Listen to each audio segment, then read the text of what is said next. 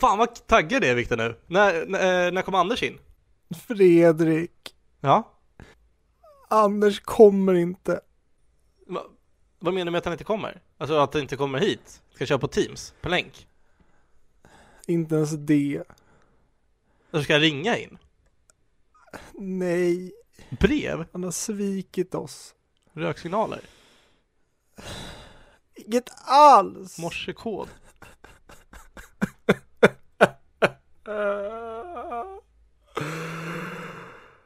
Nej, men han, eh, tyvärr, nu, typ en halvtimme innan vi skulle spela in så behövde tyvärr Anders ställa in av personliga anledningar som vi inte fick reda på så att eh, från att ha älskat Anders så kommer vi nu att rikta allt vårt hat mot Anders. Allting jag kommer spendera resten av mitt liv att göra är att, ja, nu vet jag ju vad vi ska göra när listan är slut. Vi ska starta en eh, ny lista där vi går igenom allting som Anders har gjort och bara sågar sönder det. Everything wrong with Anders Jansson. 100 dick får den heta och det är det största dick-holet i världshistoriens 100 sämsta framträdanden. Ja. Men jag som eh, ängeln här på, uh, på 100 axeln måste, får kliva in här och säga att alltså, vi älskar ju Anders Jansson. Jag tror ju på riktigt att det är någonting han måste ta tag i. Jag tycker det är väldigt synd att han inte kan vara med, men han verkar väldigt genuin. Hade det varit Sebastian Mattsson som hade skrivit det så vet jag att han, hade, han hade inte brytt sig. Han hade bara hittat ett ragg på gatan. Eller bara velat röka en cigg istället. Eller vad fan som helst. Snacka om att eh, du, eh, du börjar och utmåla dig själv som ängeln och sen slutar med att du eh, potentiellt har en förta- förtalsdom emot dig. Ja, Men det, är det, är, det är inte förtal om man inte ser åt att han begår någonting brottsligt. Hade jag sagt att han röker en cigg inne på en restaurang eller på en uteservering, det kanske är förtal. För Men det får man inte han är göra väl längre. gift och om du säger att han går ut och bara raggar upp en tjej, det är väl otrohet? Och enligt bibeln så är det ett brott. Är det det enligt Bibeln? Är det ett brott? Jag tror att otrohet är ett brott inom bibeln, men jag vet inte för jag kan inte min bibel. Men Jesus låg ju runt som bara den. Ja, men han? Det är väl klart så, så gör väl alla som skriver sina egna regler. Det gäller inte för dem, han vill ju bara att alla andra ska ta efter hans regler, men han, Gud Gör knullade ju fan någon tjej som hade i förhållande. Som födde Jesus. nej. Förstår inte du Fredrik att inom biologin så kan en kvinna bli med barn utan att ha haft samlag med en man och Gud skulle aldrig missbruka sin makt när han sitter på molnet förstår både du och jag. För övrigt, hur, vet du, jungfru Maria va? Hur i helvete trodde hon att hon skulle komma undan med den lögnen? Hon tänkte ju Hon nog... gjorde ju det! ja exakt, det är det som är det sjuka. Men hur kom hon på idén? Hon kommer hem och så här, "Ah, ja, ja men det var en nice one night stand liksom. Så här, Fan vad nice, nu har jag lite. Sen märker hon såhär, shit jag börjar bli gravid och jag ska ju spara mig till äktenskapet med den här killen jag är med nu. Vad fan ska jag komma på för lögn? Så hon, hon körde ju bara en, en Hail Mary. Nej, det var Gud. Gud gjorde mig gravid. Och hela världen trodde på det. Men jag tror ju att, eh, jag vill minnas att Family Guy har gjort en eh, sketch på det här. Ja då. Eller så är det Klart något de annat, har. typ South Park eller någonting om att så här, hon kommer hem och bara så här, "Äh, nej, eh," och han, eller Josef bara, var har du varit? Har du legat med någon annan? Hon bara, nej, nej, det, det bara blev och han är misstänksam under typ hela Jesus uppväxt och bara, hmm, jag tror inte riktigt på det där. Nej. Men jag kan minnas fel, men annars är det en bra sketch. Den har garanterat gjorts, säkert av Monty Python om inte Family Guy gjort den. Ja men det är ja, otroligt bra lögn i alla fall. Det är den bästa längden i världshistorien. Ja ja. Eller, det är väl, okej, det är den bästa lögnen i världshistorien sett till hur dålig lögnen är. Alltså den har ju satt sig, det är den lögnen som har passerat flest, vad säger man, den, den har past längsta tiden utan att någon egentligen har, okej, det är många som har sagt emot och inte trott på den, men att det har blivit liksom en vedertagen grej inom världens största, väl, religion. Ja. Bara, Men finns det inte i, i USA typ såhär most likely to succeed som man kan få i high school? Jag vet inte om de har most unlikely to succeed också. Men om, om de hade haft det så hade ju den lögnen vunnit det priset. Most unlikely to succeed. Verkligen. Det, men det är som, det är som att betta på någonting med sjukt höga odds och sen Ja. bara oj, jag blev miljardär på det här. Verkligen. Men eh, folk tror ju säkert att vi är ironiska och så vidare, så när som helst kommer Anders säga hej. Men han är tyvärr inte med. Eh, så ska vi köra igång avsnittet? Ja, vi, eh, det här får nästan, vi skiter i att prata om Pulp Fiction och jag tycker bara vi pratar om sorg Ja. och svek. Bra, då syns vi där. I svikets, I svek. svekets land. Jag vet inte vad det är. Ja. Hej!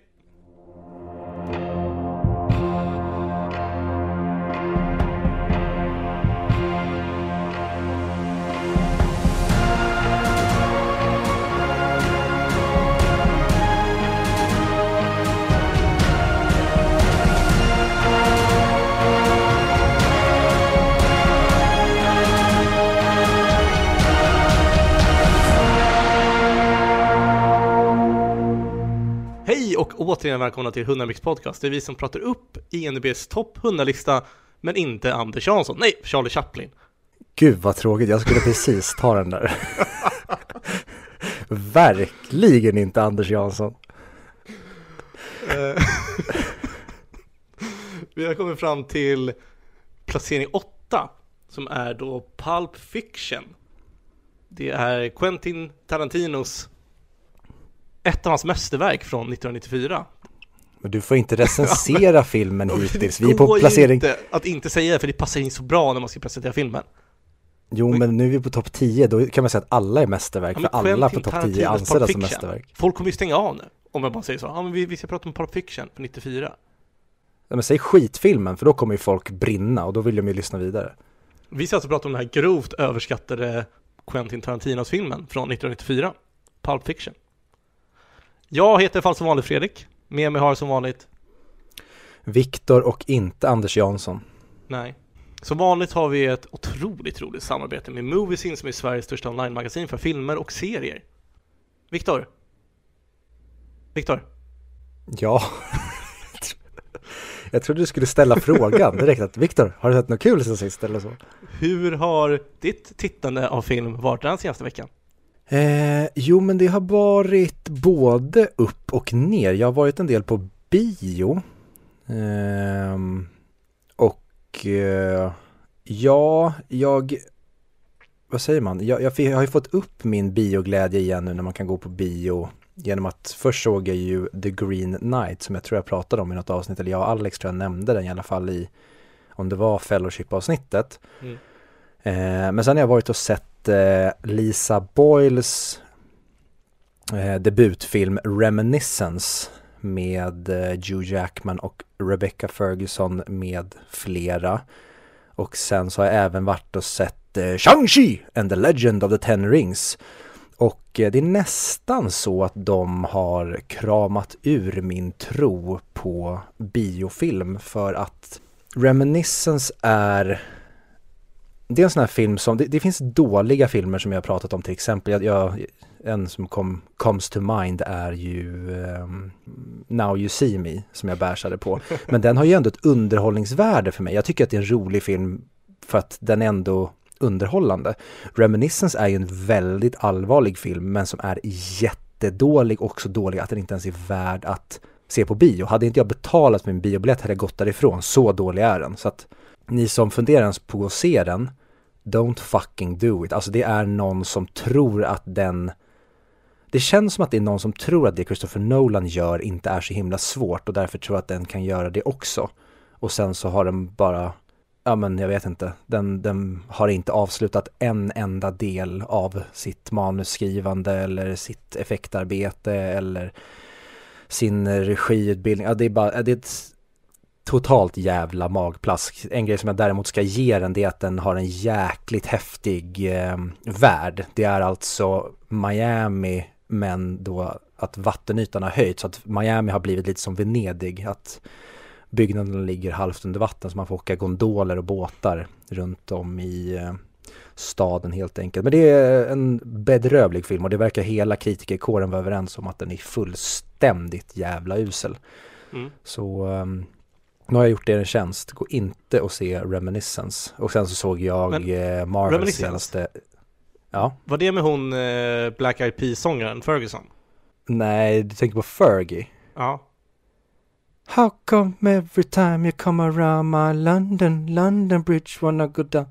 Eh, nej, utan den svenska superstjärnan Rebecca Ferguson okay. som man, vi nästan skulle kunna prata lite om för att jag tycker det pratas alldeles för lite om att vi har en kvinnlig, vad ska man säga, en, en, en, hon är verkligen definitionen av en movie star. Hon är med i några av de största franchisen som görs just nu. Hon, till exempel hon ska vara med i Dune som har premiär snart. Hon var ju med i uppföljaren till The Shining, eh, Dr. Sleep hette den va? Nu var hon med i Reminiscence som, ja, den kunde ju blivit bra med den, vad säger man, det artilleriet i bak i ryggsäcken om man säger att det ändå är en, eh, vad säger man, en Nolan, ja, det är ändå de som gjorde, eh, vad heter det, Westworld och att det är ändå så här Nolans, inte Prodigies, men hon är ändå gift med Jonathan Nolan och de har ändå gjort det bra med Westworld. Så man tänkte att ja, det skulle kunna vara en häftig idé som de fick ut med Reminiscence, men icke. Ja, fan vad tråkigt. Eh, nej, så jag, jag, jag tycker sjukt att Rebecca Ferguson inte får mer praise än vad hon får i Sverige, för att hon är ju en av de absolut största kvinnliga eh, filmstjärnorna som finns just nu. Så eh, ja, det var den första. Och sen eh, så såg jag Marvels eh, Shang-Chi and the Legend of the Ten Rings. Och eh, ja, som jag nämnt tidigare, jag är inte största fanet av Marvel, men jag börjar mjuknas upp mer och mer. Men tyvärr så är det här också, det är smörja. Det finns en jättebra film i Shang-Chi, men tyvärr så är den, nej, se den inte, se den på Disney Plus när den kommer dit, det är inte värt biobiljetten heller, även fast du älskar Marvel så kommer du tycka att det här är bland det sämsta som Marvel har gjort, det lät i alla fall så på Marvel-nördarna som jag tittade på filmen med, de var inte heller speciellt övertygade om det här. Så ehm, det är det jag har sett, ehm, och sen så kommer jag prata om när vi kommer till Pulp Fiction sen, för jag såg även Grease, eller såg om Grease. Jag är ju uppvuxen med filmatiseringen av musikalen Grease, att eh, vi kan eh, prata lite om den sen när vi ska prata om Pulp Fiction, för den har ju också John Travolta i en av huvudrollerna. Mm, det har han sannerligen. Jag var jättenära på att se den här Xing Xia Ten Rings filmen. Men eh, för jag satt hemma igår och inte någonting att göra för jag har varit, eh, jag blev förkyld i onsdags. Och eh, trots att jag har två vaccinsprutor i mig och har haft corona och att eh, jag fick inte beställa en PCR-test men jag köpte sig dåligt, halvbra PCR-test på apoteket som var negativt. Trots det ville ingen umgås med mig medan jag hade en snuvig näsa.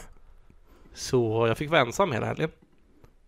Eh, så jag var jättenära igår söndags att gå på bio då. Så satt den hemma 19.50, kollade här i Sickla som är 25 minuters gångväg. Och det gick någon film och det var den enda filmen som gick då. Eh, men det var tur att det inte gick alltså med andra ord och såg den. Dig. Ja, sen jag, jag kanske är lite hård för att jag hade reminiscence i vad säger man, backspegeln så att jag var redan Mm. arg sen tidigare. Men eh, ja, för mig, det, det är en CGI-smörja, det finns skithäftiga alltså kinesiska mysticistiska element i eh, Shang-Chi som jag tyvärr inte tycker att de eh, kapitaliserar på för jag tror att de är rädda för att det ska ses som någon slags rasistisk stereotyp. Men samtidigt så är det ju stereotyper och karikatyrer nästan på karaktärer som ofta fängslar oss när det kommer till filmer om du gör dem tillräckligt levande. Så att jag hade gärna velat se en karikatyr på en martial arts mästare i den här filmen men det känns som att de vågar inte gå tillräckligt till ja men då den eh, kampsportiga eh, stereotyper utan de vill köra lite mer amerikaniserat och då gick det tyvärr inte hela vägen hem för mig men det finns skithäftiga element i den och det hade kunnat bli en riktigt häftig film om de bara hade vågat gå lite mer åt liksom, vad heter det, Flying Daggers och eh, Mm. vad heter den, Crouching Tiger, Hidden Dragon, ja jag kommer Ja, ihåg. Men ja, exakt. du förstår, Och den klass-. Shaolin, eh, precis, alltså lite mer den stilen, då hade det kunnat bli hur ballt som helst men tyvärr så vågar de inte göra det utan det känns som en hybrid mellan Avengers och Dragon Ball typ. Och med dem, att de inte vågar göra det så menar vi oftast studion snarare än regissören. Eh, vilket är någonting som jag börjar förstå ju längre vi har kommit i den här podden, att mycket av de här sakerna man klagar på en film är inte på grund av regissören. Utan det är mycket på grund av studion eller på grund av budget och tids eh, restraints. Mm. Vi ska komma till det sen när vi pratar om Pulp Fiction för det är ett väldigt eh, Mm. eh, Jag kollade på, eller vi, vi kommer till Tarantino Ja, sen när vi ska prata om Tarantino Men det, det finns en sån grej i um, Pulp Fiction Okej. En film som jag har sett som vi ville se och kolla om den höll fortfarande. Eh, som jag såg sen, förra söndagen var Eurotrip. Vad tycker du om den? Oh! oh!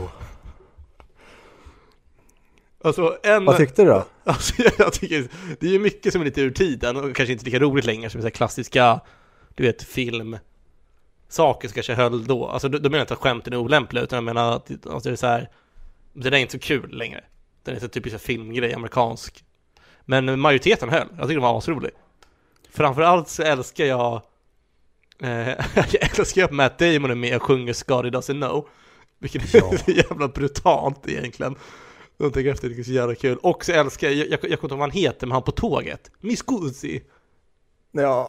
Det är så jävla roligt Ja, hans pedofil jag, jag håller med dig. ja. Jag, jag såg om den för mindre än ett år sedan, jag kommer inte ihåg hur länge sedan det var. Och eh, jag var rädd för att den skulle vara, alltså åldrats väldigt dåligt och vara en sån här Not another teen movie, vad säger man? man? Man har fördomar om att ja, det höll där och då, men idag så är de bedrövliga. Men jag tyckte att det var en riktigt rolig komedi. Alltså, ja. den visste precis vad den höll på med, den driver på rätt sätt. Och jag gillar framförallt att den, den är väldigt taskig mot karaktärerna. De utsätts för jävligt Mm. hårda grejer. Ja, när de kommer till Bratislava Sen blir de värsta så här miljardärer där Och att tvillingarna börjar hångla med, alltså det är så mycket så här som man behöver vänta lite, vad händer nu? Ja, det är väldigt mycket what the fuck humor. Ja Ja men jag gillar den Men framförallt så har jag sett eh, en serie på Amazon Prime som heter Good Omens Känner ni till den? Nej. Det är lite, jag tror att det är, jag vet inte om det är brittiskt som har gjort den, men det är en väldigt brittisk serie. Eh, Ja men det är Good Omens heter den. Det är bland annat eh, David Tennant och eh, Michael Sheen i huvudrollerna. Hmm. Också ibland, vad heter han som är med i Mad Men? John Hamm är också med. Men han är inte med så mycket. Och eh, Jake eh, Whitehall och så vidare. Men så jag tror att den är ganska brittisk. Men den handlar mer eller mindre om att det är en ängel och en demon som är på jorden och lever där. Och så argu- argumenterar de om huruvida de ska stoppa jordens Armageddon eller inte. En kompis beskrev beskrev den för mig som att det är lite så här, gillar du Livsens guide till galaxen-humor? Då, då kommer du gilla den här. Och jag älskar Livsens guide till galaxen-humor. Och jag, jag tyckte den här var riktigt underhållande. Och det var en film alltså? Nej, en serie. På sex avsnitt. Mhm. Jag tror det är 50 minuter långa. Som för, alltså det är nog för övrigt tror jag det ultimata sättet att göra Alltså göra film eller tv nu tycker jag. Sex avsnitt, 50 minuter långa. Japp. Jag tror inte jag har pratat om den i podden än, men om du inte har sett den än tycker jag du ska se The White Lotus. Också sex avsnitt, ja, typ 50 minuter långa. Svinbra miniserie tycker jag. Eller framförallt, det det är en väldigt bra så här, samtidsskildring av olika stereotyper på ett hotell under en vecka och så finns det ett, ett nalkande mord som man någon gång ska få reda på vad det är som har skett. Eh, Men den är jättehypad i, i media. Men den tyckte jag väldigt mycket om. Jag trodde den skulle vara en superöverskattad serie. Men jag tyckte jättemycket om den. Väldigt rolig. Ja, men då får jag kolla på den, för du har pratat om den innan också. Och jag har hört den från andra håll. Eh, så då får jag ta tag i den. Men eh, i alla fall, den är värd att se. Om ni inte har sett. Eh, Good Omens. Om Mm. ni gillar sån humor. Den är inte för alla, vilket kanske gör att den har 8,1 i betyg. Men, eh, ja. Kör. Det är väl framförallt det som jag har sett. Ja, men det där tycker jag är intressant. Just betyg när det kommer till eh, IMDB och man kollar på serier versus filmer. För att en film kan ju ha, så länge typ en film har över sju, då brukar den vara ganska liksom generellt omtyckt. Och då brukar de vara, nu såklart generaliserar jag, men då brukar de vara väldigt bra. Mm. Men jag upplever att tv-serier, de måste ligga närmare 8,5 och över för att vara ofta, vad säger man, säkra kort. Okej, om man säger det, om en film över 7 då är mer ett säkert kort, då gäller det minst 8,3 för en tv-serie, är i alla fall min upplevelse. Att du, ett betyg för en serie måste vara mycket högre för att den ska ha en slags men, garanti. Är det Mm. någonting du har tänkt på? Ja, men, men också så här, om man då tar komedier så, måste, så räcker det med att de har över sex typ för att vara bra. För de har alltid mycket sämre. Mm. Men det, det finns lite olika skalor beroende på vad det är för typ av film, om det är serie eller inte och, eh, och liknande. Så ja, jag håller med. Nej men om, eh, om du inte känner att du har någon, någonting mer att prata om så tycker jag att vi kanske gör någon slags försök till en eh, övergång och så kanske vi från att prata om skalor när det kommer till att betygsätta filmer så kanske vi kan prata om två människor som man inte riktigt vet var på ond och god skala man ska placera dem som pratar om populärkultur och filmer innan de ska döda människor. Och framförallt Så- påminner om skator som rimmar på skalor, typ. Eh, det blir inget filmsnack den här veckan känner jag. I en rapplåt. Hovet hade rimmat skator och skalor.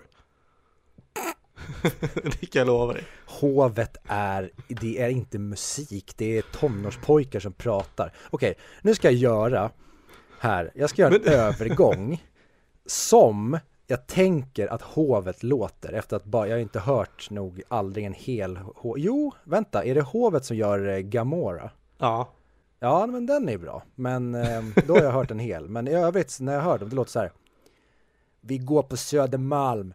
Jag har massa halm i min hatt. Jag tycker om att slå på backspeglar. Alla brudar, de bara kommer som hackspettar. Yeah, det är vi som är i hovet. Yeah. Var det likt? Alltså det sjuka var, det var ju typ det. Men lägg på en catchy melodi och eh, ord man hör vad man säger. Sen har man hovet, sen är de sköna har ju öronen och framförallt så är de samhällskritiska, vilket är jävligt nice att lyssna på. Ja men då så. Eh, då skiter vi i Pulp Fiction så pratar vi i ungefär 45 minuter om hovet. Vi Ses ses, där. på andra sidan.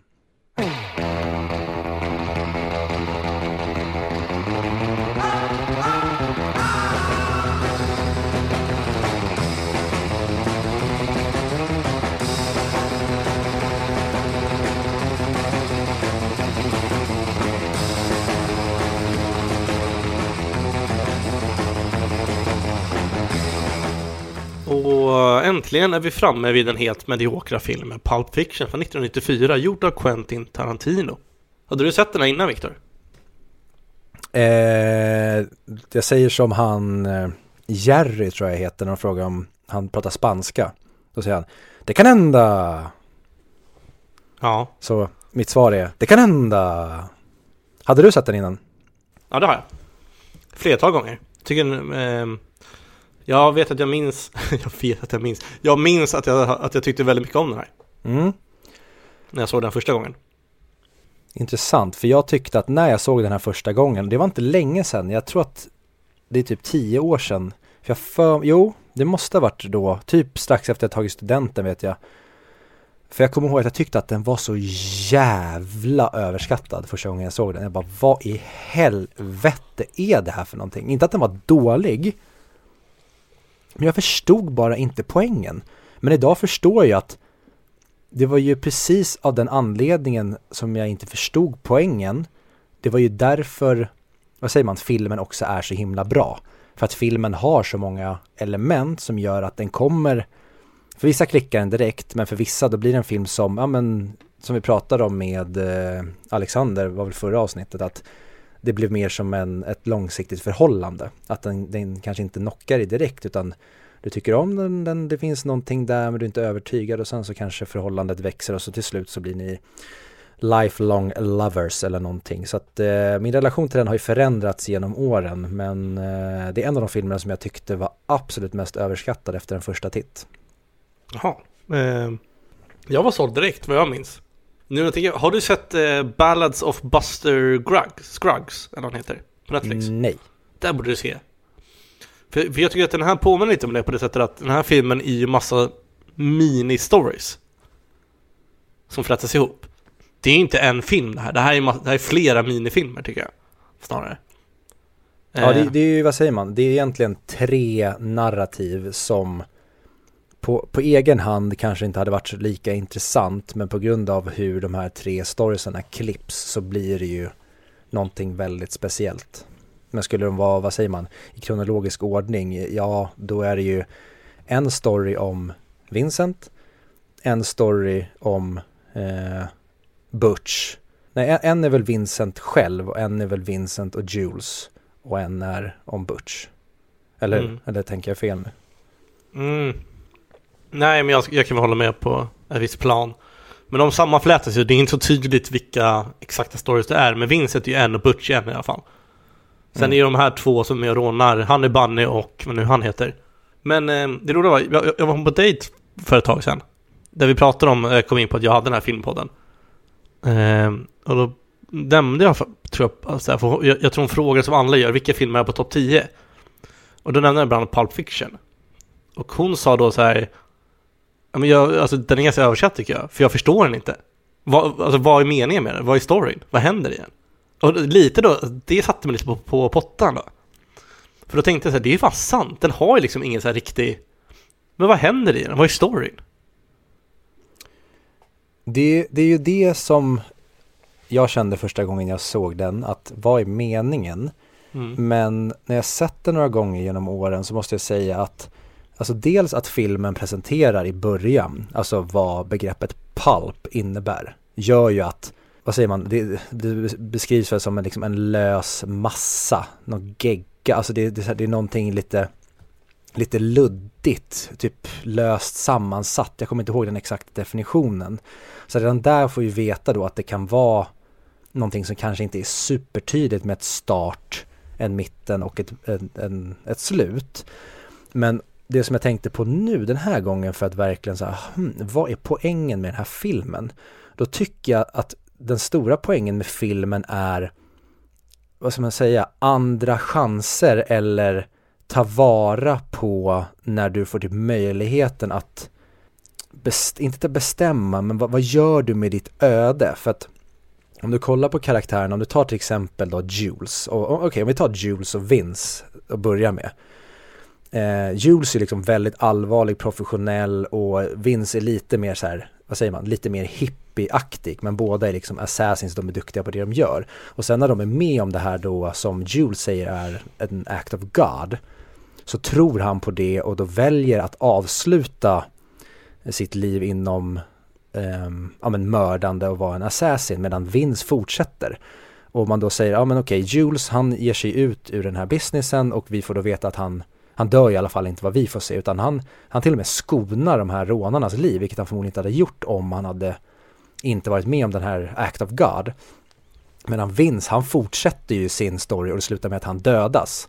Mm. Mia till exempel, henne får vi inte veta vad hon gör med sin andra chans eller man ska säga. Men hon dör ju och sen så växer hon till liv och så kanske hon då tar vara på eh, sin andra chans. Samma sak med Marcellus Wallace, han håller på att bli knullad och sen så blir han räddad av Butch. Och förhoppningsvis så tänker man att då att han kanske gör någonting med, sin, med sitt liv eller tar liksom eh, någon ny väg med sin andra chans. Man får i alla fall tro att han har gjort någon slags förändring i och med att han säger att han och Butch är cool. Butch då, han blir ju också, han, han gör kanske inte en lika stor förändring men han följer ändå någon slags här kod och gör det goda och tyck, visar att, ja men kanske eh, arv och det betyder någonting mer. Han, han följer någon slags godhetskodex och när du gör typ, vad ska man säga, goda förändringar eller kanske pekar på att ditt liv ska ta en positiv riktning då, då får du inte det här tragiska avslutet som många av karaktärerna som verkar skita i den här filmen gör. Det, det är någonting som jag i alla fall tänkte på den här gången att vad gör de med sina chanser eller vad, vad, vad, liksom, vad, vad slutar deras öden och vilka dör och vilka dör inte och vad är skillnaden på de som dör och vilka, vad är skillnaden på de som överlever. Och det var lite så jag tänkte att så här, det, om någonting så är det väl så här, vad fan, jag vet inte vilket term man ska använda men redemption på engelska. Alltså att man på något sätt eh, gottgör eller i alla fall försöker göra, en andra chans är så fel uttryck men du kanske förstår vad jag menar. Ja, eh, det är intressant att se på det tycker jag. För eh, den, den jag fått förklara för mig när jag var yngre, det var ju att att de här är väl typ djävulens hantlangare eller liknande. Eller någonting att Wallace har blivit av, av med sin själ. Därför har han en tejpbit på nacken. Och det de ska göra då är att ta tillbaka hans själ. Det är det som är i den här uh, i väskan. Har du också hört den förklaringen? Ja, för det, det finns ju sådana, vad säger man, så här mer eh, mytologiska förklaringar som du säger, som McGuffin att det finns då Marcellus Wallace själ i, i The Briefcase och att de då kanske är så här arch, vad heter det, ärkeänglar, eller vad fan heter det, ärkebiskop heter det inte, Ar Archangels som då utför att de på något sätt är hans, ja men som skrik och panik i Hercules. Att de, de utför djävulens handlingar åt honom och ska hämta tillbaka själen som har flytt på något sätt. Men det var ingenting jag tänkte på den här gången utan det var mer någonting jag vet att jag läste när jag var yngre när jag ville ha något mer så konkret vad är, alltså vad betyder det där, vad betyder det där, vad betyder det där? Men jag tror att jag vet fan, det känns inte som en Tarantino-grej att liksom komma ner på den nivån utan jag tror att, för McGuffin har ju, det, är ju en term över någonting som man, man använder i filmer så att på något sätt vi måste hämta det där objektet och det skickar våra karaktärer på en resa i en riktning. Och i den här filmen så berättar de inte ens vad McGuffin då är utan det är bara en briefcase som gör att våra karaktärer ska gå till den platsen. Så att det är egentligen en nästan ett hån mot filmstruktur känns det som från Tarantinos sida eller en hyllning att vi behöver inte ens berätta att det är diamanter eller vad det är i den där resväskan utan det är bara en resväska som de ska gå och hämta och den innehåller någonting som alla blir begeistrade av och det räcker för honom. Och det är det jag gillar så jäkla mycket med den nu ju mer jag sett den, det är att saker är väldigt luddiga. Det finns väldigt mycket som är öppet för tolkning i den här filmen. Det finns ingen annan film som den här, eller det fanns i alla fall ingen annan film som den här när den här eh, kom ut och jag kollade på eh, när Tarantino var hos Joe Rogan nyligen och då pratade han just om att den här filmen skapade, alltså det, han, han skapade en subgenre med den här. Inna, innan den här filmen, då satt ju inte två skurkar till exempel som han berättar i en bil när de typ väntar på att deras chef ska komma och de ska skydda honom. Man fick inte se två skurkar sitta i en bil och prata om vilket tv-program de hade kollat på senaste veckan utan det var den här filmen som etablerade det. Men sen dess idag, då är det någonting som vi ser överallt hela tiden. Det är bara att ta typ eh, Mandalorian nu senast. Där vi fick följa två stormtroopers och de pratade typ om politiken eller strukturen inom imperiet. De grejerna etablerade i Tarantino och det tycker jag är så häftigt med den här filmen, vilket jävla statement och avtryck den gjorde på filmvärlden. Ja, jag håller med. Jag vet inte om det här är min ett eller två favoritfilm av Tarantino. Den här, det känns som den introducerar så mycket och att den dessutom håller idag. Det är inte som, som eh, Casablanca eller vad fan heter den där Citizen Kane som kanske också var revolutionerande, men jag tycker inte de håller idag. Men den här tycker jag fortfarande alltså, står står sin mark, så att säga. Den är ju också bara 30 år gammal istället för, vad är det, 40-talet, ja men 60 år gammal. Så är, den har ju haft dub, dubbla tiden. Sen, jag, jag, jag, jag, förstår precis vad du menar, jag tror, jag, jag håller ju med dig. Det här mm. är en film som är mycket mer lättillgänglig om man ska vara så. Ehm, och sen tyckte jag det var så häftigt för att Tarantino sa det till uh, Joe Rogan. Um, vi pratade om det i förra veckans avsnitt, just Tarantinos eh, otroliga beundran för Sergio Leone. Men då sa han det att han tyckte att han gjorde för gangstergenren det som Sergio Leone gjorde för westerngenren. Alltså innan kanske var då Scorsese som man hade som riktmärke när man gjorde gangsterfilmer. Och samma sak man hade men då, amerikanska västern som riktmärke och så kom Leone in och gjorde spagettivästern. Han tyckte att han gjorde samma sak med gangstergenren. Han tog en genre som fanns, som Scorsese kanske var kung över och sen så gjorde han någonting helt nytt med det. Man, han tog en helt ny inriktning som sen många efter, ja, men tog efter och härmade. Ja men man kan ju se lite Tarantino i Guy Ritchie-filmerna. Oh ja. Sen vet inte om Guy Ritchie kanske hade gjort det oavsett om Tarantino har gjort det eller inte. Men det finns ändå en likhet där. Jag vet inte om det är ett vedertaget begrepp men eh, jag har i alla fall hört flera gånger genom åren liksom att Guy Ritchie det är ju eh, Storbritanniens Tarantino. Mm. Men jag, måste bara prata om det här innan vi går in mer på filmen. Mm. Eh, en, en, sak som jag stör mig lite på. Man, jag har läst på Nine Gag när jag hängde där förr i tiden och eh, sett överallt. Alltså du vet kopplingen att när hon pratar om Fox 5. Mm. Uh, the French, uh, the black girl was demolition, the Asian was martial arts, the French was sex and the blonde was knives och så vidare. Och uh, folk hävdar att det är en referens till Kill Bill.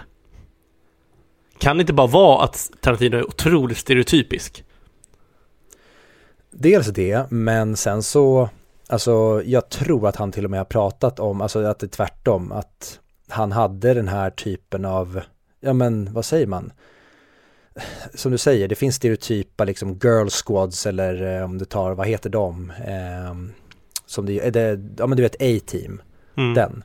Att det fanns liksom, eller bara ta Avengers eller whatever, att du har en squad och så blir liksom en, en sexig kvinno eh, femma som han då bara egentligen löst eh, kom på i, eh, när han skrev Pulp Fiction och de pratade om den. Som han sen då tänkte att ja, men det är perfekt att använda sig av den här då i Kill Bill. För i den intervju med Joe Rogan som jag såg, då pratar Tarantino om det just att varje medlem av, eh, vad, vad den nu heter, eh, ja, men, gruppen som ja, Uma Thurmans karaktär var en del av i Kill Bill de har ju typ så här, sin egen typ av filmgenre-style. Så att det, när hon fightas mot varje karaktär i Kill Bill så är det som att de fightas mot, mot en typ av filmgenre eller filmstil. Så att det är som du säger, Tarantino han, han jobbar ju väldigt mycket med stereotyper och väldigt tydliga karikatyrer men han är ju också, han är en filmnörd. Alltså han gör ju mycket hyllningar till saker han älskar och gör det med sin egen touch. Och jag tror att jag läste någon gång ett citat från honom att eh, typ så här, I, I didn't go to film school, I went to films eller något sånt där. Att det var hans film school, att han satte sig bara och såg film och film och film och film och film och det var så han ja, men, förstod vad film är och hur man skulle göra film. För att Tarantino är ju en Ja, men han är ju, en- han är, vad säger man, och det är därför jag tror jag tycker så otroligt mycket om honom. Det är för att han känns som en av oss filmnördar. Han pratar om film på ett sätt som vilken filmälskare som helst gör. Till exempel, han har ju sagt att eh, han, jag tror också det är mycket nu referenser till den här eh, Joe Rogan-intervjun, men det är den typ senaste intervjun jag såg med eh, Tarantino. Men då säger han det att han tyckte så synd om typ ungar, så, eller han tycker synd om barn vars föräldrar, nu är det inte lika mycket så idag i och med att allt går att streama och det, men förr i tiden när tv-program gick på linjär tv på en viss tid, han tyckte så synd om barn som hade tidiga läggtid, eller lägg, vad heter det? Jo, läggtider. Mm. För att de missade en så stor del av liksom deras generations populärkulturella fotavtryck. För att det var en del för dem att, det vet man ju själv att när man kom till skolan på måndagen, ja men då pratade man typ om tv-programmet som hade gått kvällen innan. Och det var liksom så man hade någon slags förankring i olika typer av grupper och med olika personer. Att man hade samma typ av populärkulturella referenser och det tyckte han var så synd med barn som typ fick gå och lägga sig tidigt och missade allt det här för de hade inte sin generations förankring när det kommer till popkultur och det, det gillade jag verkligen när han eh, pratade om. Mm. Men sen, för, för sen så läste jag också att han, han har ju ändå också, eh, om, jag, om jag återkopplar till min eh, fråga med Kill Bill och Fox 5. Att han eh, eh, i Reservoir Dogs, eh, Blond, a.k.a. Vic Vega, han som eh, Mikael Madsen spelar, är tydligen brodern till Vincent Vega. Så eh, Quentin Tarantino hade planerat att göra en spin-off-film som heter Double V Vega. Eh, som, var, som skulle vara en prequel till båda de här filmerna. Men det är, sen så sket den för båda skådespelarna var för gamla för att kunna spela sina unga jag. Så det, han har ändå lite planer, verkar det som. Men förf- författare i början, att väva ihop filmerna kanske lite mer. Och köra lite, för det är väl Pixar som alltid har referenser till sina egna filmer.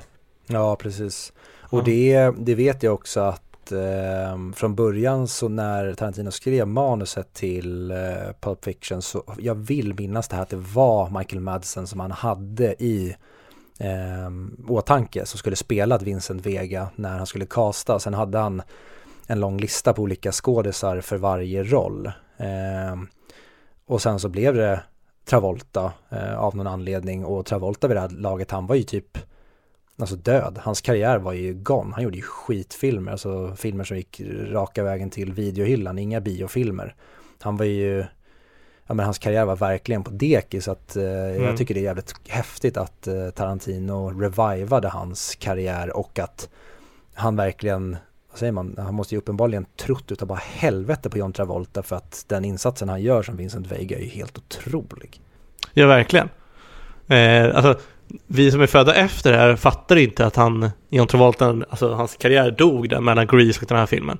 Ja, han gjorde någon, någon så här tv-serie för mig, eller någon, det var någon så här barnfilmsgrej typ som var någonting som ändå var populärt men ja, det är som du säger. Och jag såg Grease förra veckan och där också, ja, det, det, idag kan man garva lite åt John Travolta för att han har gjort väldigt mycket skit och nästan blivit en B-skådis, likt Bruce Willis har blivit på senare dagar, att de gör mycket skit. Alltså, jag vet inte om du har sett eh, filmen Gotti med eh, John Travolta, men det är ju en av de sämsta filmerna som gjorts. Och återigen, för er som vill se en film som man skrattar åt, se Gotti, för det finns väldigt mycket roligt i den för att den är så den har liksom typ ingen struktur, den har inget start och mål, man förstår typ ingenting och den är bara jättedålig på alla sätt. Men i Grease och nu har inte jag sett Saturday Night Live heter den väl, heter den Saturday Night Fever? Ja, ah, skitsamma. Eh, Stayin' Alive eh, filmen och det var väl även en film som hette Stayin' Alive, men när John Travolta var liksom discokungen och samma sak i Grease, han är ju så jävla häftig och cool och ja men Grease är gjord med glimten i ögat och han är verkligen så jäkla bra i rollen som Danny Zuko där så jag tycker det är så tråkigt att han inte Ja, att han inte kunde ha en, eh, vad säger man, en mer stabil karriär. Men sen så eh, med facit i hand tror jag att han hade tagit den dippen eh, med tanke på vad som kom sen med Pulp Fiction. Ja. Men ska vi gå in lite mer på filmen? Det tycker jag.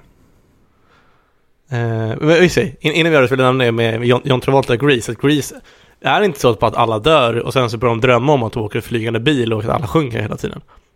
Att uh, hon, hon, uh, hon tjejen är Sandy, eller vad hon heter, att hon egentligen drunknade på den där stranden på sommaren. Det var hennes dröm. Vadå? Har du inte hört den? Ja, jag, nej, jag tror fan inte det. Men det låter ju sjukt jävla långsökt.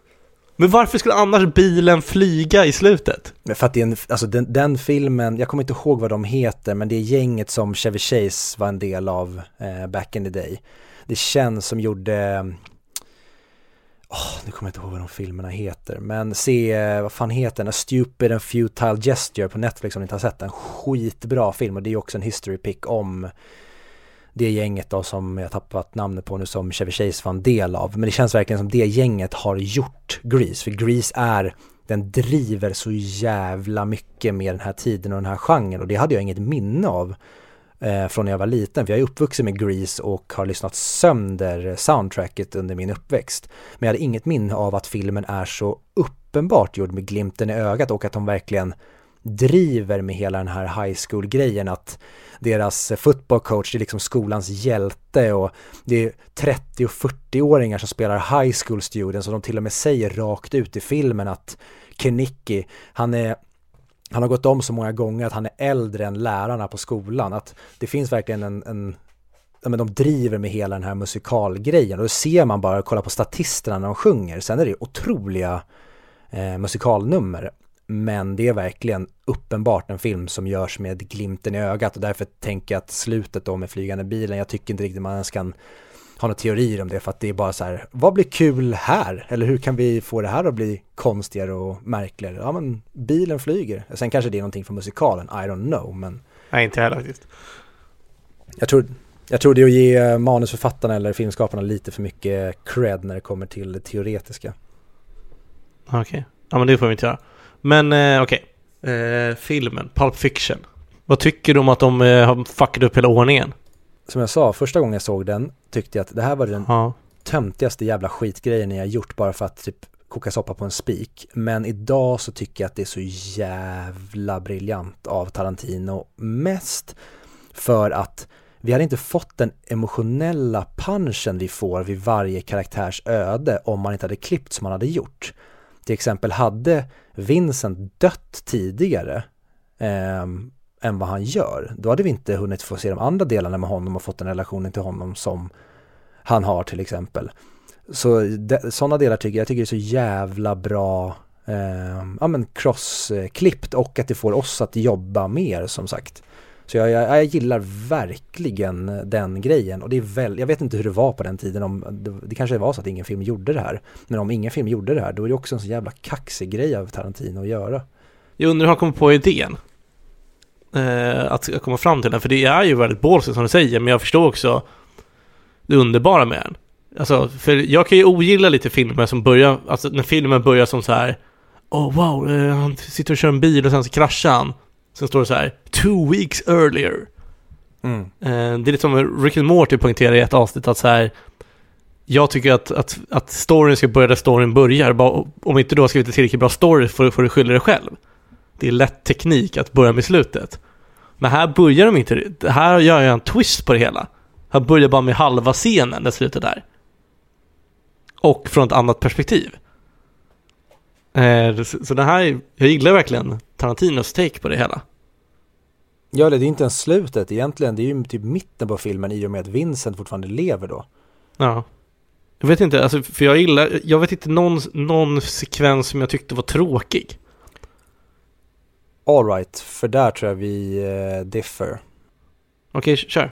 För jag tyckte den här gången att eh, inte alla delar, men många delar med Butch var skit, eh, okej nu är jag väldigt raljant, här, skit, eh, tråkiga ska jag Mm. inte säga, men de var, jag brukar prata om liksom, hela den här filmen är ju nästan som en stor jävla fettbit som smakar jättebra, men det var fett som jag tyckte var tråkigt, alltså typ scenen i hotellrummet mellan Fabienne och Butch tycker jag är så jävla trist och jag tycker stundtals att Bruce Willis är jättedålig i vissa saker han gör. Han är jättebra i vissa scener och är väldigt charmig och så, men vissa saker som, det kan vara enkla grejer som att han typ bara ska gäspa.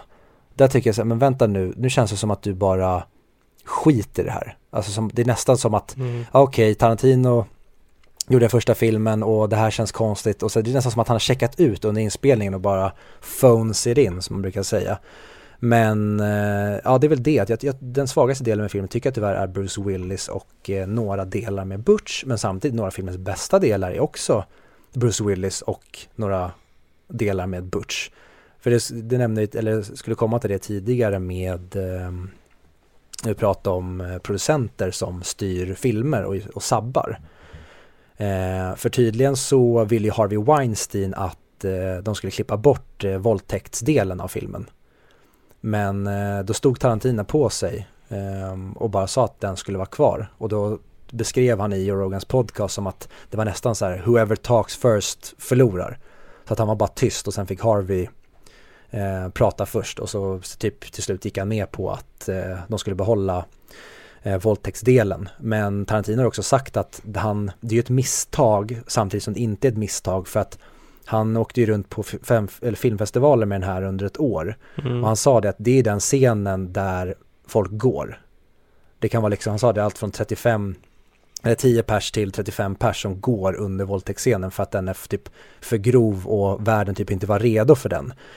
För det hade jag ingen aning om, men han berättar också det i Joe Rogans podcast att nu, nu är det så här, men lyssna på Joe Rogans podcast istället för att jag sitter och liksom, vad säger man, dåligt citerar den. Men han berättar det att tydligen så var 80-talet en väldigt liksom politiskt korrekt tid. Så att när han kom in här under 90-talet och gjorde den här helt jävla galna rullen med där det är en korrupt polis och en snubbe som äger en jävla pawnshop som våldtar dem och har en jävla sex eh, prisoner i en jävla låda. Jag förstår ju att man så här, äh, du vi kanske klippa bort det här och jag, först, alltså jag är fortfarande så här, thank you alltså Tarantino för att du gör den här helt jävla hjärnskadade filmen. För den är så jävla konstig på alla sätt.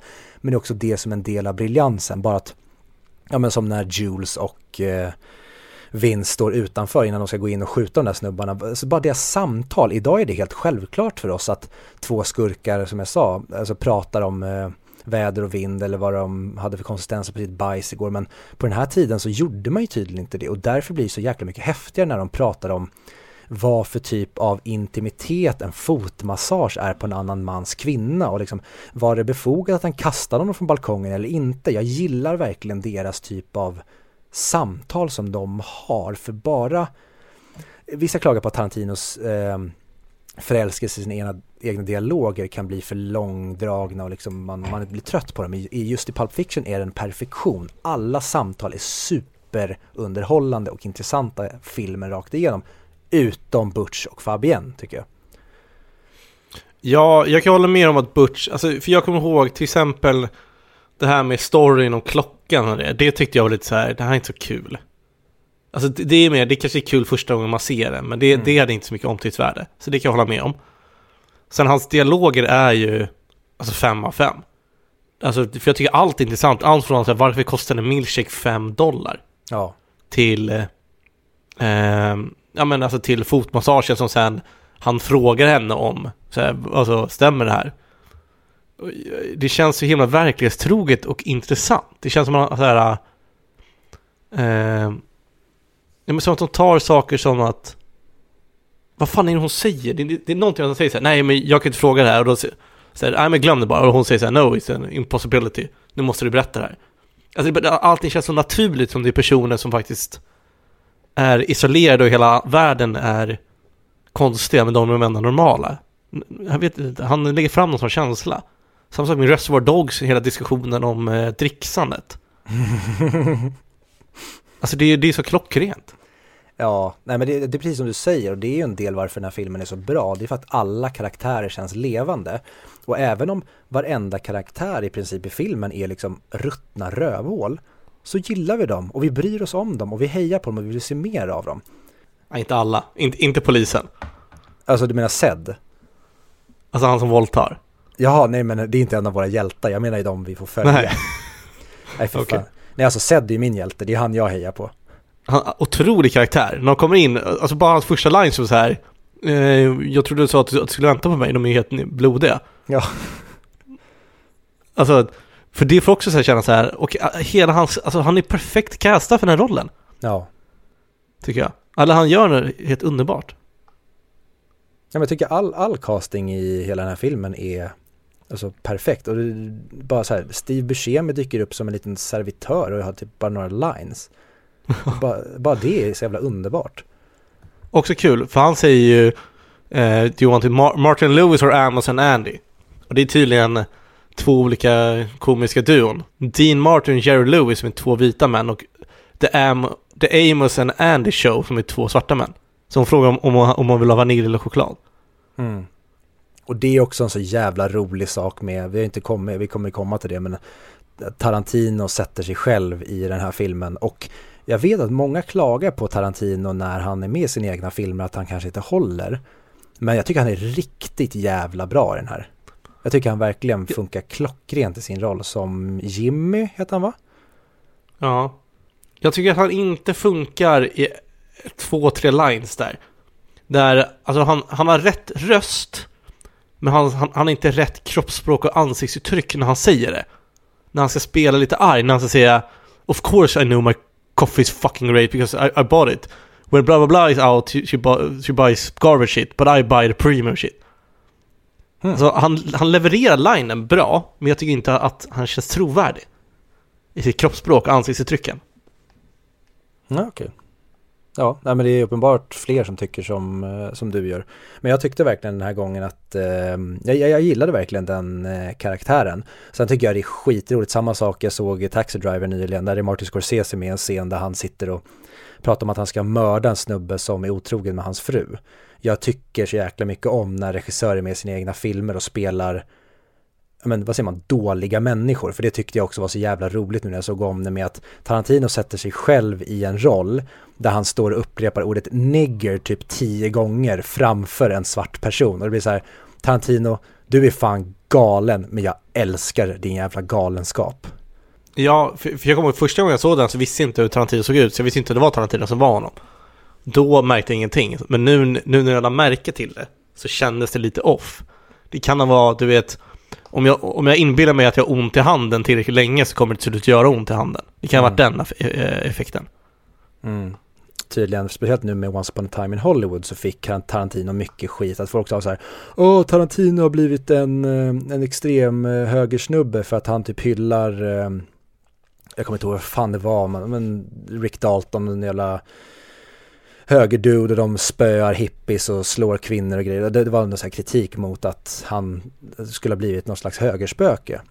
Men då sa han det också att så här, men det är inte så att mina filmer är mina åsikter. Jag skriver ju alltså filmen utifrån Rick Daltons perspektiv det är inte mina åsikter jag speglar när jag skriver de här filmerna, för då skulle jag sitta bakom lås och bom, utan jag skriver ju så att vi ska kännas, alltså det ska kännas som att den här karaktären har de här åsikterna och den andra karaktären har sina åsikter. Sen så råkar en film kanske vara riktad mer åt liksom ett håll, men det är inte så att han, han skriver in sig i ett politiskt hörn och gör sin egen liksom politiska bias, eh, alltså vad säger man, synlig i filmen, då är det ju en jättedålig författare och filmskapare, utan du måste skriva karaktärer som vi köper är på riktigt, annars hade inte Jules och Vince funkat om de skulle tycka som Tarantino. Poängen är att de är två karaktärer som tycker helt olika från varandra och därför blir det en superintressant diskussion. Ja, jag håller med. Om jag får göra det. Alltså, för, för jag, jag håller verkligen med om det där, för jag, jag tycker det är absurt att, men jag orkar typ inte lägga så mycket energi på att människor kallar för höger eller att man inte får hetero spela homosexuell. Alltså allt det där, för det är bara så mycket trams i det hela. Mm. Eh, så jag, jag är 100% på din sida. Eh, men scenen, alltså the miracle scene, när han kommer ut med sin jävla handcannon och skjuter och missar alla skotten. Mm.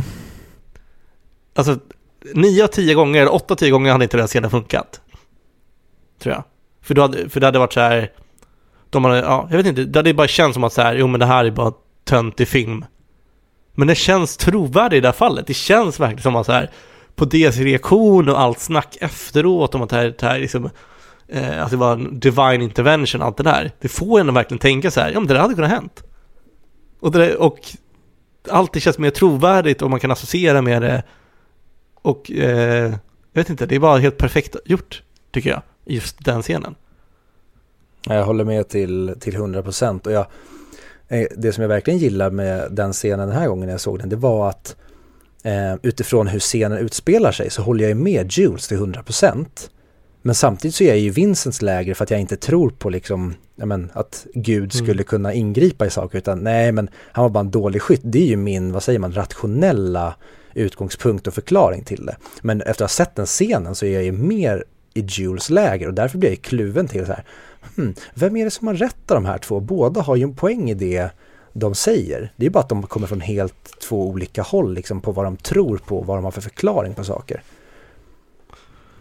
Ja, och det är det som gör serien så genial, att mm. det finns inget rätt och inget fel. Man, alltså, för man vet inte, eftersom det är en film så kan det lika gärna vara någon jävla gudagrej som gjorde det. Men det kan också bara vara så här, det här är one in a million sak som händer. Det är, mm. alltså, till exempel, jag läste någon gång om att det var en person som har ramlat ut ur ett flygplan utan, utan fallskärm. Som överlevde. För han landade liksom så här perfekt vinkel på ett väldigt brant berg så han gled längs det. Och det är så här sak, alltså hade det hänt i film hade jag tänkt att det hände aldrig i verkligheten, men nu har det uppenbarligen hänt i verkligheten, vad jag vet. Och det här kan ju också vara en sån grej som, det är så jävla osannolik så man skulle aldrig tro på det om man berättar om det. Men när det väl händer en, alltså, för det, det är det The Leftovers gör så genialt, är att skitsamma om det händer eller inte, om det väl händer, få folk att reagera så som de hade reagerat i verkligheten. Mm. Ja, jag håller med till 100% och jag, jag, jag tyckte den här gången när jag såg den att filmen känns så jäkla comic booky. Alltså om du ser filmen som typ ett seriealbum så tycker jag att den blir ännu mer så här shit, det här skulle typ kunna vara animerade eller eh, handritade sidor som vi får läsa page för page. Den känns så jäkla, ja men comic book är det ordet jag, eh, jag hittar. Men också då blir jag ännu mer imponerad över att det funkar som en, men typ våran värld men samtidigt en liten skev twist på Los Angeles. Jag håller med. Jag, jag hade inte blivit förvånad om någon sa att det här var alltså en comic book från början. Nej, inte heller. En rolig grej, det är till exempel en, en detalj att varje gång Vincent går på toa i filmen så händer någonting dåligt. ja, det... Att när han går på toaletten hemma hos Mia, då tar hon en överdos och håller på att dö. Och när han går på toa ja. på kaféet, då blir kaféet rånat. Och när han går på toa hemma hos Butch, då kommer han ut och sen blir ihjälskjuten. Och det är någonting som ja. verkligen känns som att det här har Tarantino skrivit och asgarvat åt sin egen briljans när han har skrivit det. Att jag kommer plantera att varje gång Vincent går på toa nu, då kommer någonting hända när han är där inne och sen slutar med att han dör när han har varit på toa. Det har jag inte tänkt på, det är också en jävligt kul grej.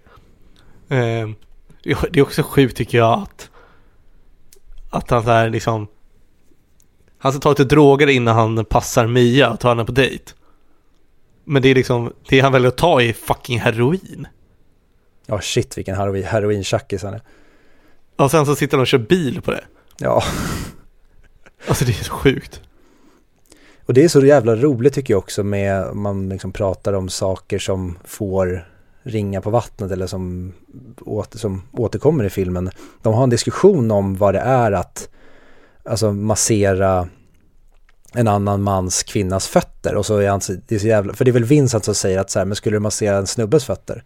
Och Jules bara, hell no! Och så bara, ja där ser du, det är ju en mm. sexuell eller sensuell eh, grej. Och sen så gör, går han emot det helt och hållet själv. Han dansar med sin chefsfru. Hon kommer till och med hem i hans jacka hem till dem. Att han har verkligen inga alltså, spärrar på det sättet själv, även fast han moraliskt eller i alla fall kan förklara utifrån det syn, den, från den synvinkeln. Så själv tar han inte hänsyn till eller lever ute efter den regeln, utan han bara kör på. Sen så ja, han står inne på toaletten när han kommer hem och säger att nu ska du bara ta en drink och sen ska du gå hem.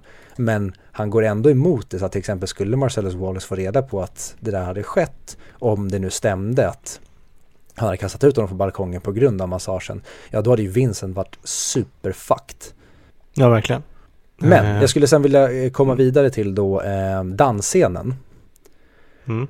Eh, jag älskar, en av mina favoritscener i filmen det är när deras samtal i eh, båset, när de sitter och äter eller dricker milkshake. För som du säger, den är så jäkla levande. Det känns verkligen som två personer som pra man pratar sådär. De är nyfikna mm. och ja, men ärliga och det är därför de klickar så bra. Därför Mia gillar Vincent så mycket. Det är för att han typ säger vad han tänker och är rak.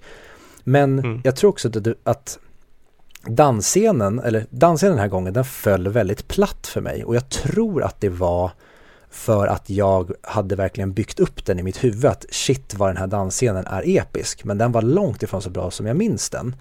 Men i och med min besvikelse på den scenen så var sen scenen efter den, jag vet inte om den är direkt efter, men när hon sätter på uh, You'll be a woman soon och dansar.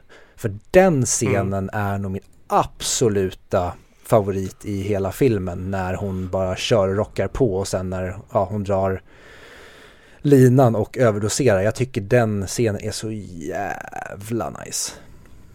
Ja, men det är, det är så jävla bra låt. Alltså... Ja, Uma Thurman är så jävla cool. Man känner verkligen stämningen i rummet.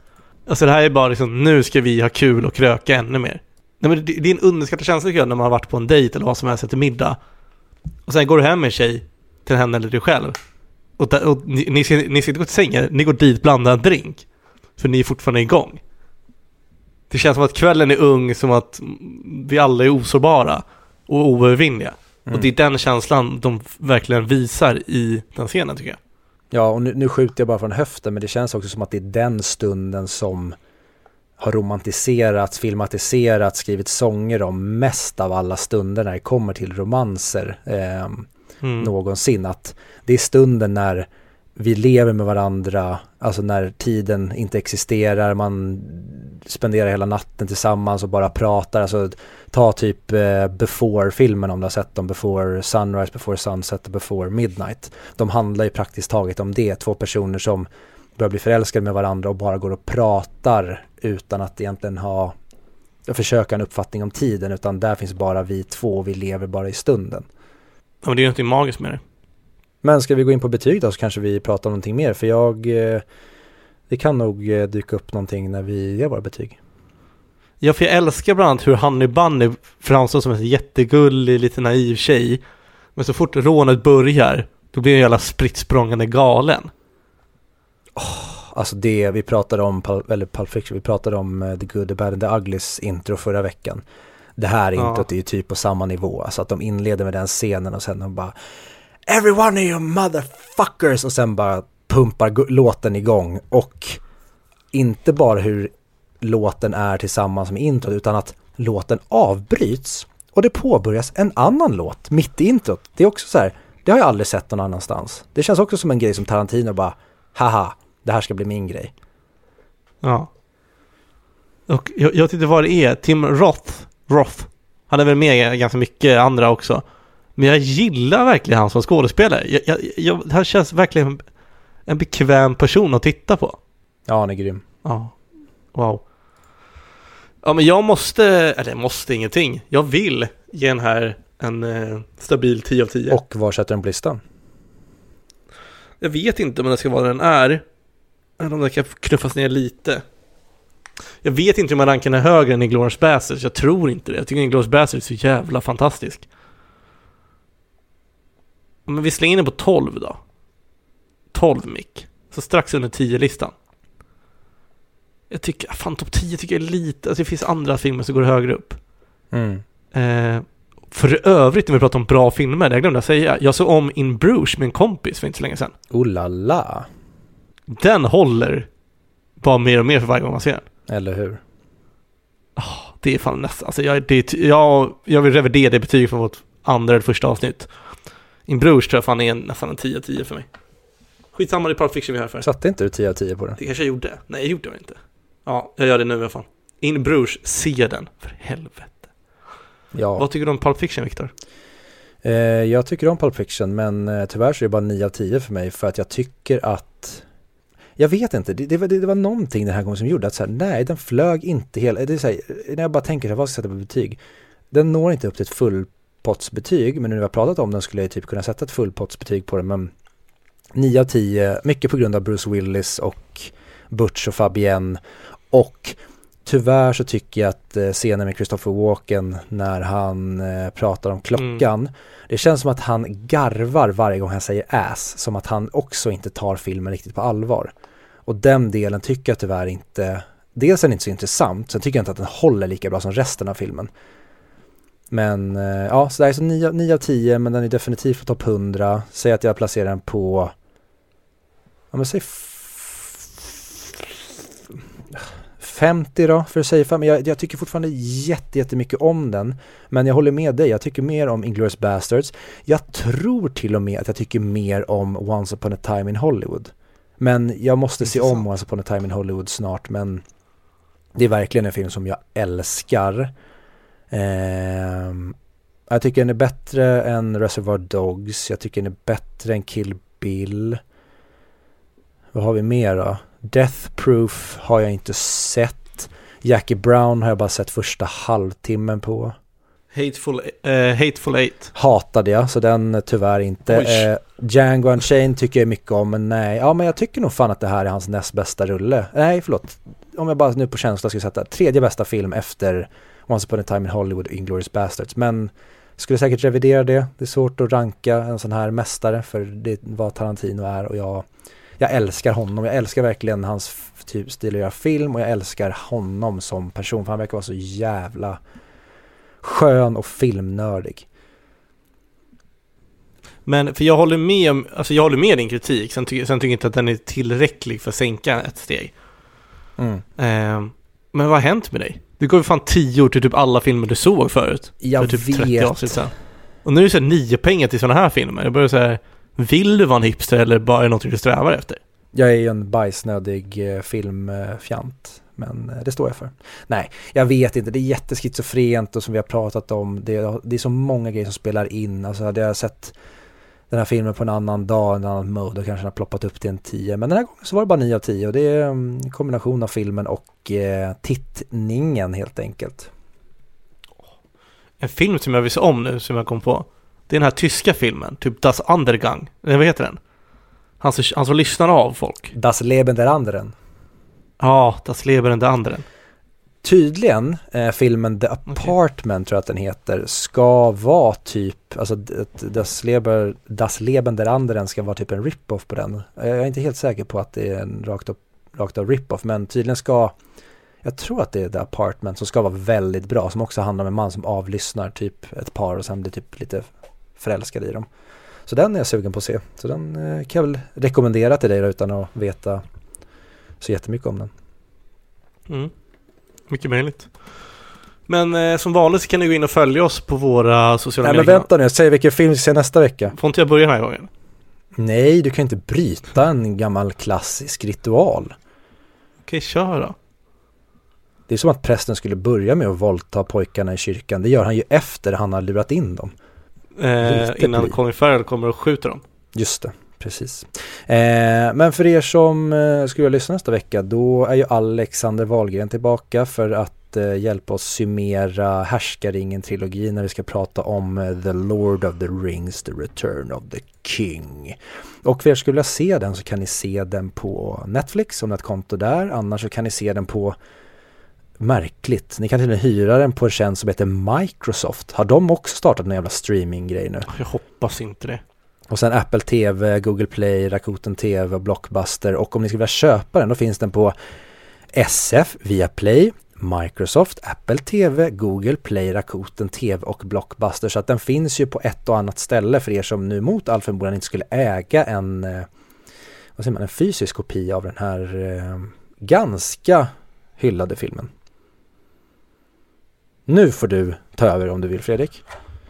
Ja, men nu kommer jag inte göra med samma tråkiga tyrar innan, det kommer göra det ännu roligare. Och eh, dessutom så kan ni ju gå in och eh, likea våra bilder på Instagram och kan ni kanske kan följa oss, ge oss en följning. Dela en story vi lägger upp. Eh, vi finns även på Facebook och Twitter. Vad kan man göra på Twitter, Victor? Man kan trycka på retweet eller like där också. Vi heter i alla fall 100mic 100micc. Det stämmer. Men då gör vi så, då eh, hörs vi eh, nästa vecka helt enkelt och till dess säger vi vad då? Harakiri! Harakiri! Girl, you'll be a woman soon. I love you so much, can't count all the ways I died for you, girl, and all they can say is he's not your kind. They never get tired of putting me down, and I never know when I come around what I'm gonna find. Don't let them make up your mind. Don't you look good? You'll be a woman soon. Please come take my